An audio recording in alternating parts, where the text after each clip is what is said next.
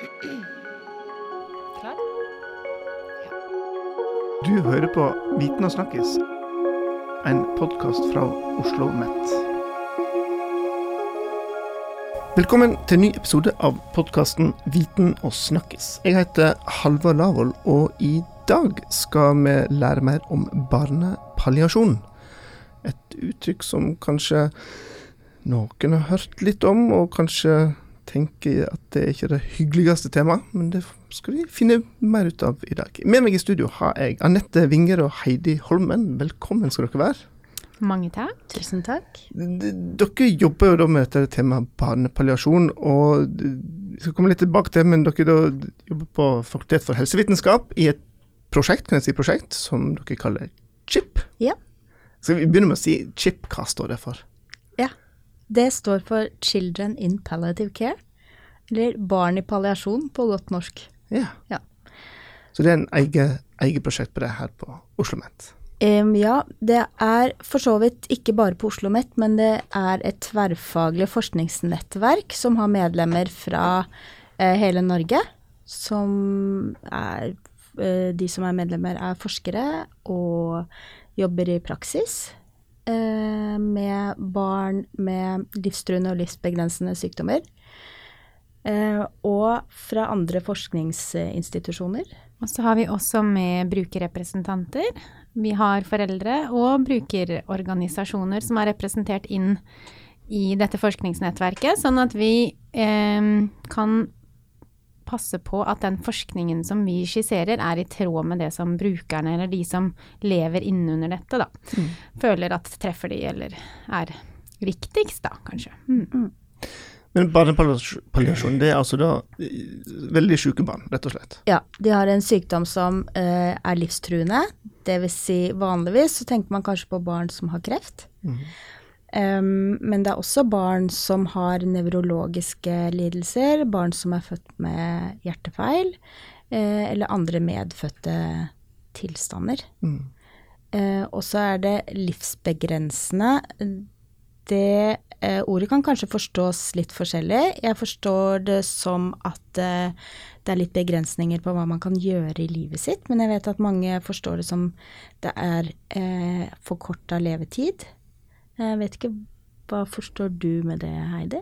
Jo, veldig mye det samme som deg. Jeg tenker at de har en sykdom som gjør at um, at vi, hva skal jeg si, utenfor, eller vi som er helt friske, eller an, ja, tenker at de har noen begrensninger da, knytta til livene sine, eh, som er relatert til den sykdommen de har. Og siden dette er barn som er syke, så har jo dette store konsekvenser for barnets familie, for foreldre og søsken, besteforeldre, barnehage, skole. Det er jo mange som er i kontakt med disse barna, akkurat sånn som med friske barn, da. Eh, som vi trenger litt mer kunnskap om hvordan er det vi kan ivareta disse barna på best mulig måte, sånn at de får leve gode liv så lenge de lever, da. Mm.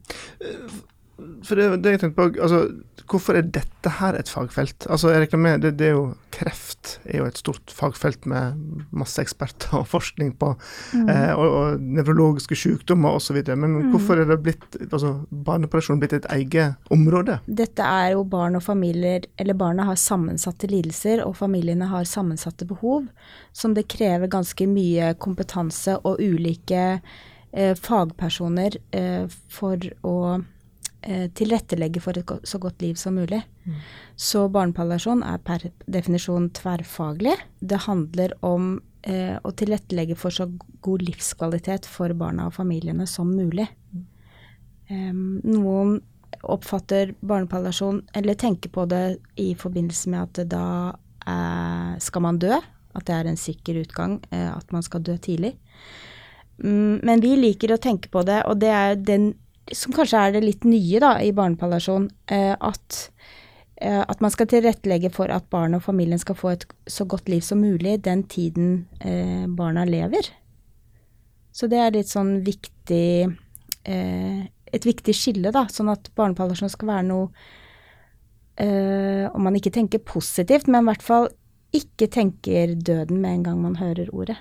Så det tenker jeg er en del av eh, vår oppgave. Det er å legge noe annet enn døden inn i begrepet. Hvordan klarer en å legge noe annet enn døden? For det er jo sannsynligvis mye det første Ja. folk tenker. Eh, det blir jo å formidle Det vi driver med i forskningen, da, er å forske på begrepet, eller finne ut av ok, hva, er det folk forstår med begrepet, og at man i den forbindelse kanskje får diskutert da, hva oppfatter ulike folk eh, med barnepalliasjon. Em, og hva tenker vi som forskere, og hva tenker, tenker vi teoretisk eh, om begrepet? Mm. Så på den måten, gjennom forskningen, så kan vi endre innholdet eh, og oppfatning. Eh, så har vi jo en tverrfaglig videreutdanning i barnepalliasjon. Den eneste eh, på dette nivået i Norden som er tverrfaglig. Eh, og der eh, når vi jo studenter som jobber ute i praksis, altså klinikerne, som jobber allerede med syke barn. Så da jobber vi også med hva dette begrepet er, og hva barnepalliasjon er.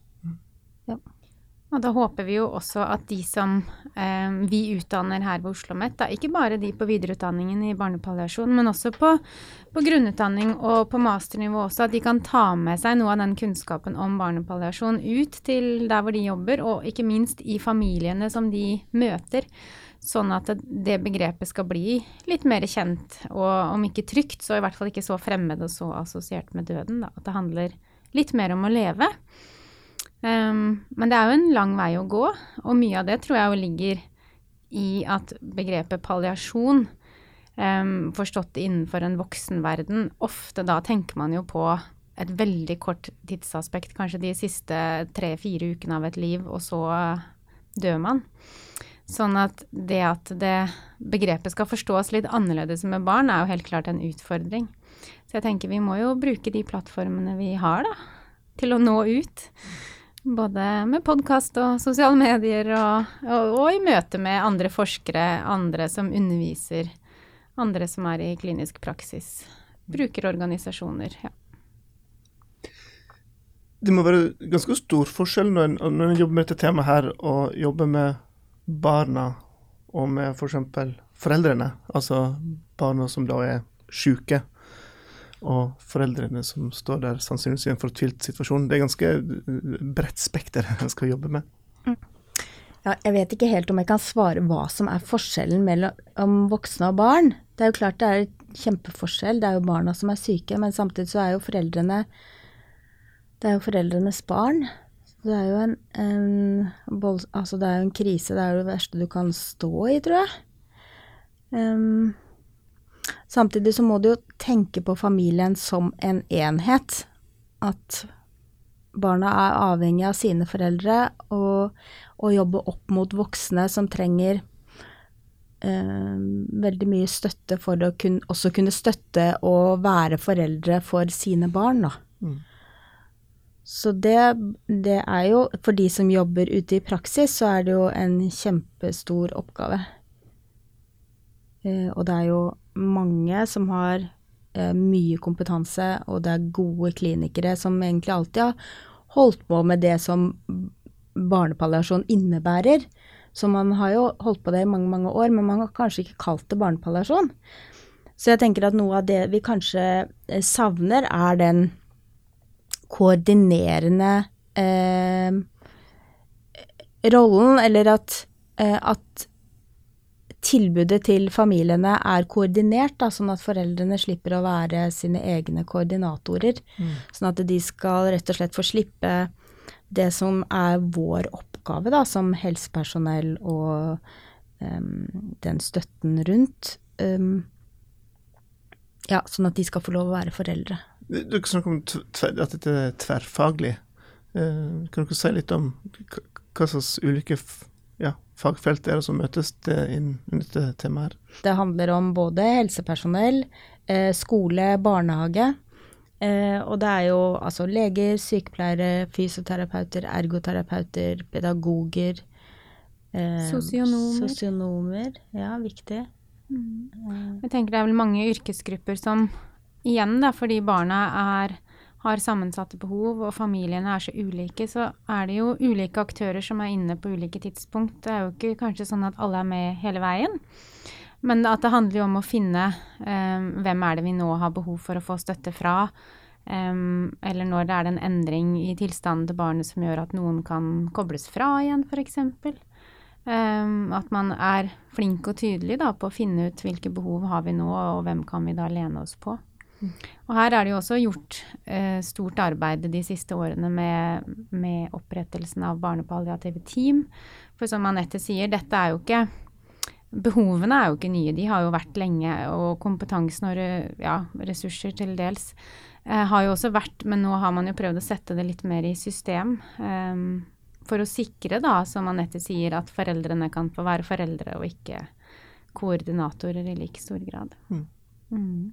Men så tenker jeg også at det er viktig å huske på dette barnet eh, oppi det hele. Og det har jo også vært fokus de siste årene med å få på en måte barnets stemme litt tydeligere frem. At ikke det eh, ikke bare dreier seg om foreldrenes behov.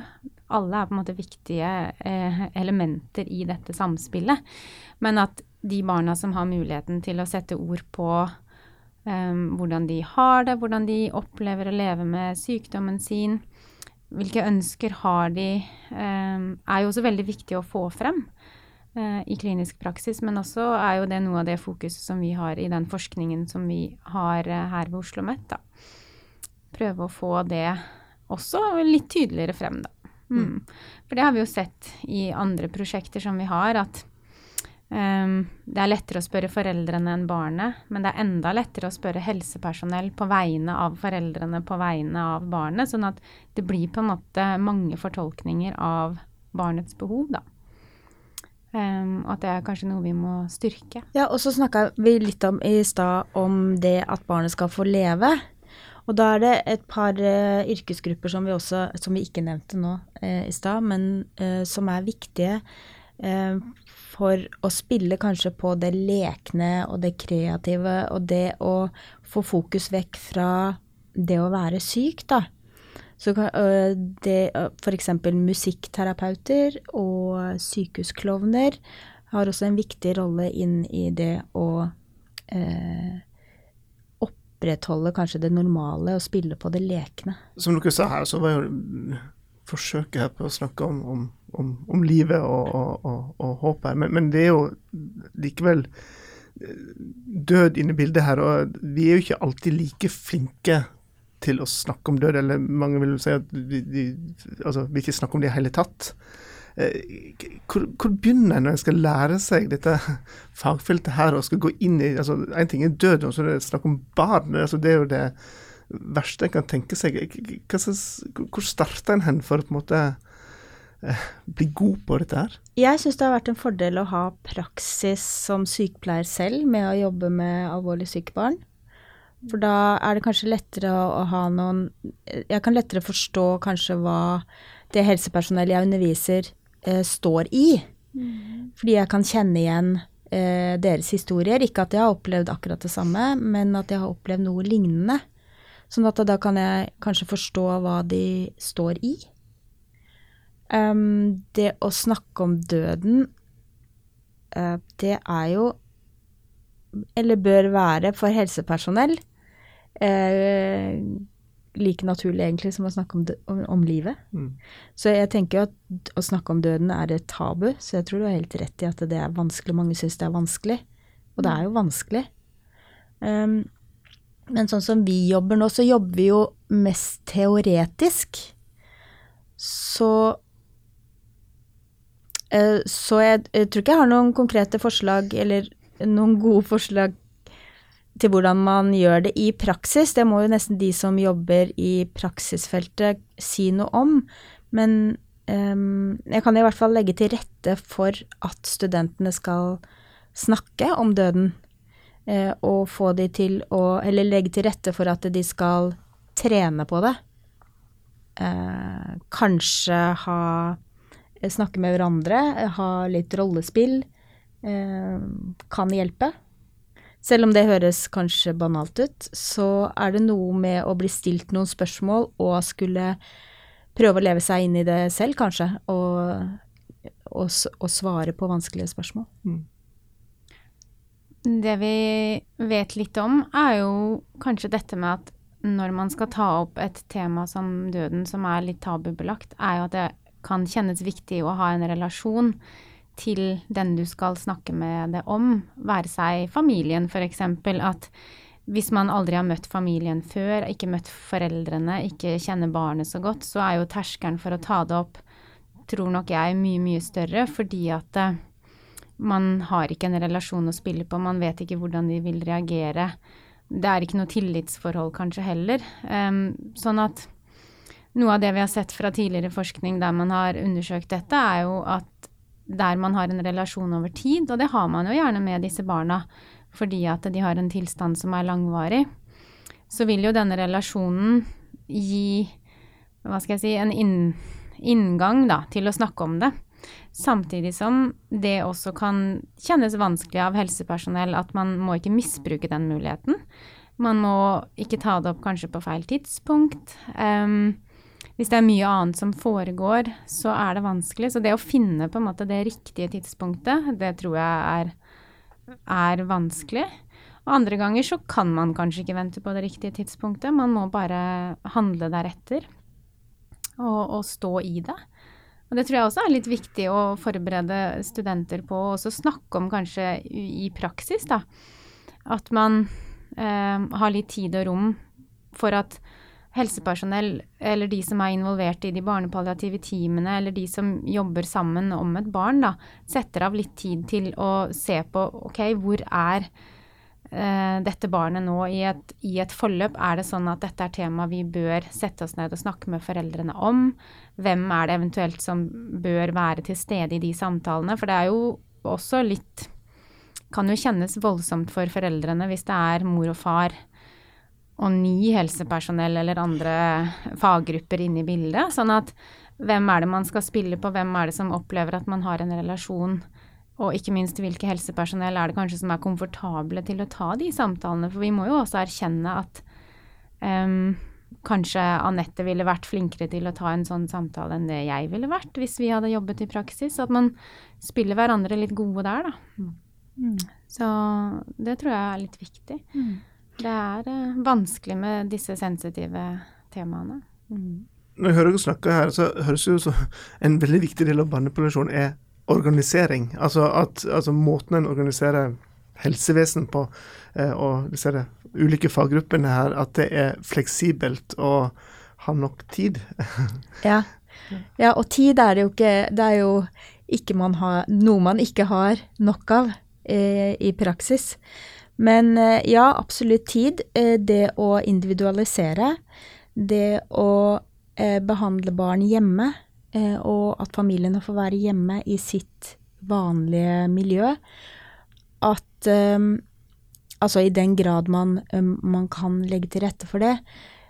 Men det handler jo om at vi klarer å skaffe og gi nok støtte sånn at familiene er trygge. Sånn at de føler seg trygge og opplever det trygt å være hjemme. Eh, og da kan også Altså syke barn kan jo også ha kontakt med barnehage og skole i gode perioder. Eh, og søsken kan også ha et eh, så normalt liv som mulig, da, eller vanlig liv som mulig, med fritidsaktiviteter, skole og venner. Mm. Så det å få sykehusene hjem er, er, viktig, og det er jo kanskje noe av det som barnepalliative team også um, legger til rette for og også avanserte hjemmesykehus som, som eh, bistår familiene hjemme. Mm. De drar hjem og tar en blodprøve, de hjem, drar hjem og eh, sjekker om alt er i orden, og om det er noen spørsmål, og følger opp hjemme. Eh, det tror jeg er veldig bra. Når dere snakker om palliativ team, da er det organisert av et sykehus? Eller er det kommun, kommunal helsetjeneste, eller hvem er det som måte, står for et sånt team? Det er eh, egentlig to nivåer. Det er eh, I 2016 så kom det en nasjonal faglig retningslinje for palliasjon til barn og unge uavhengig diagnose. Veldig lang tittel. Eh, som eh, anbefaler at det er både regionale og lokale barnepalliative team. Så de regionale barnepalliative teamene skal jo være i hver helseregion, som det er fire av i Norge. Og de skal ha en rådgivende og opplærende eh, funksjon.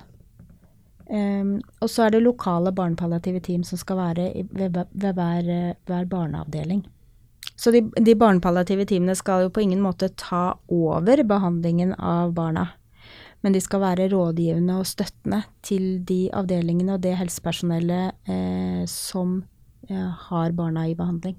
Men uh, verden går jo framover.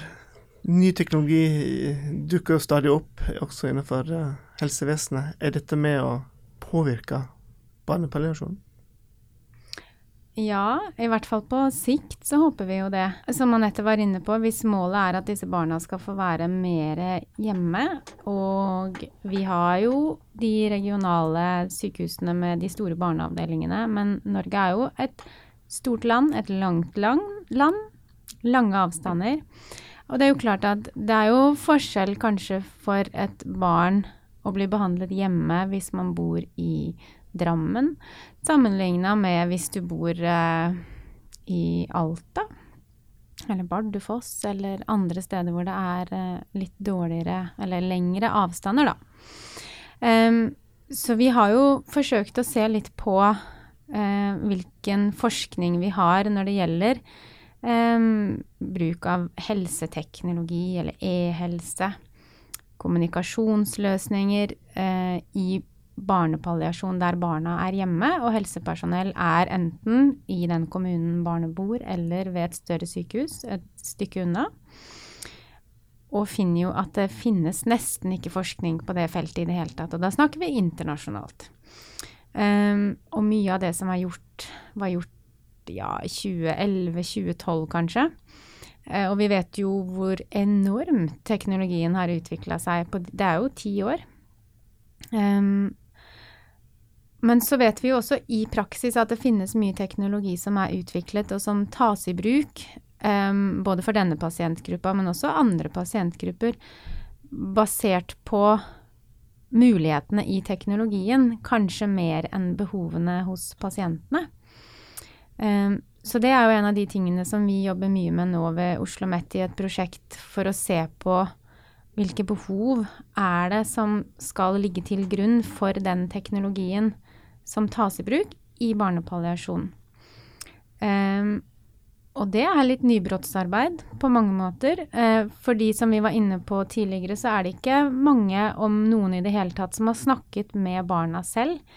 Hva er det de ønsker seg av helseteknologi? Hva er det de kjenner at de har behov for? For at de skal føle seg trygge, for at de skal ha muligheten til å være hjemme heller enn å måtte være på sykehus. Um, og likens, hva er det foreldrene har behov for? De har jo andre behov enn barna, som vi var inne på i stad. Og dette tredje laget da, med helsepersonell, de har jo andre behov, kliniske eh, trygghetsbehov. De må ha kontroll på noen parametere for at de skal kunne slippe barna hjem. Um, så jeg tror det er viktig å undersøke alle de tre gruppene, da, for å si det sånn, uh, hver for seg. Um, for å se på hvilke behov er det som er felles hvilke behov er det som kanskje er unike for barna, hva er det som er unikt for helsepersonell, og så se på hvordan er det dette kan styre utviklingen eller tilpasningen av helseteknologi, da.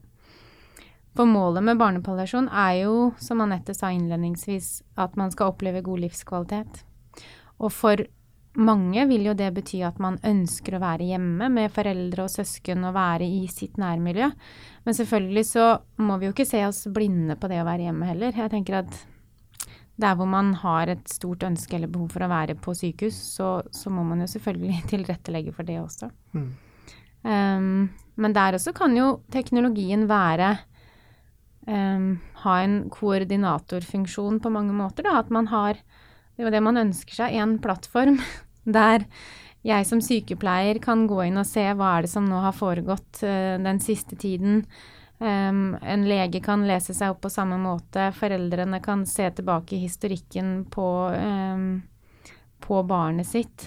Og hvis barna er i stand til det, og etter hvert som de også blir eldre, så er det jo klart at de også har en viktig funksjon inn i oppfølgingen av uh, sin egen sykdom. For det er jo klart, um, selv om mange av disse barna har et forkorta liv, så betyr jo ikke det at de uh, dør idet de fyller 18. mange av de, eller noen i hvert fall, lever jo også til de er over 18.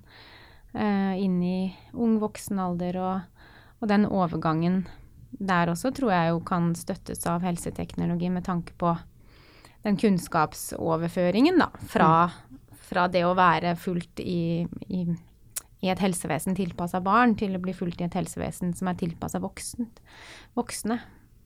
For det tror jeg er ganske annerledes. Så er det jo viktig med eh, det prosjektet fordi at eh, det ivaretar barnas stemme, eller fremmer mm. barnas stemme, at de skal få snakke på egne vegne. Eh, og det innebærer jo eh, at vi ikke bare ser barn som sårbare, men vi, vi også ser barns eh, styrker. Mm. Og at de er kompetente på sine liv. Det har vi jo også flere prosjekter på nå.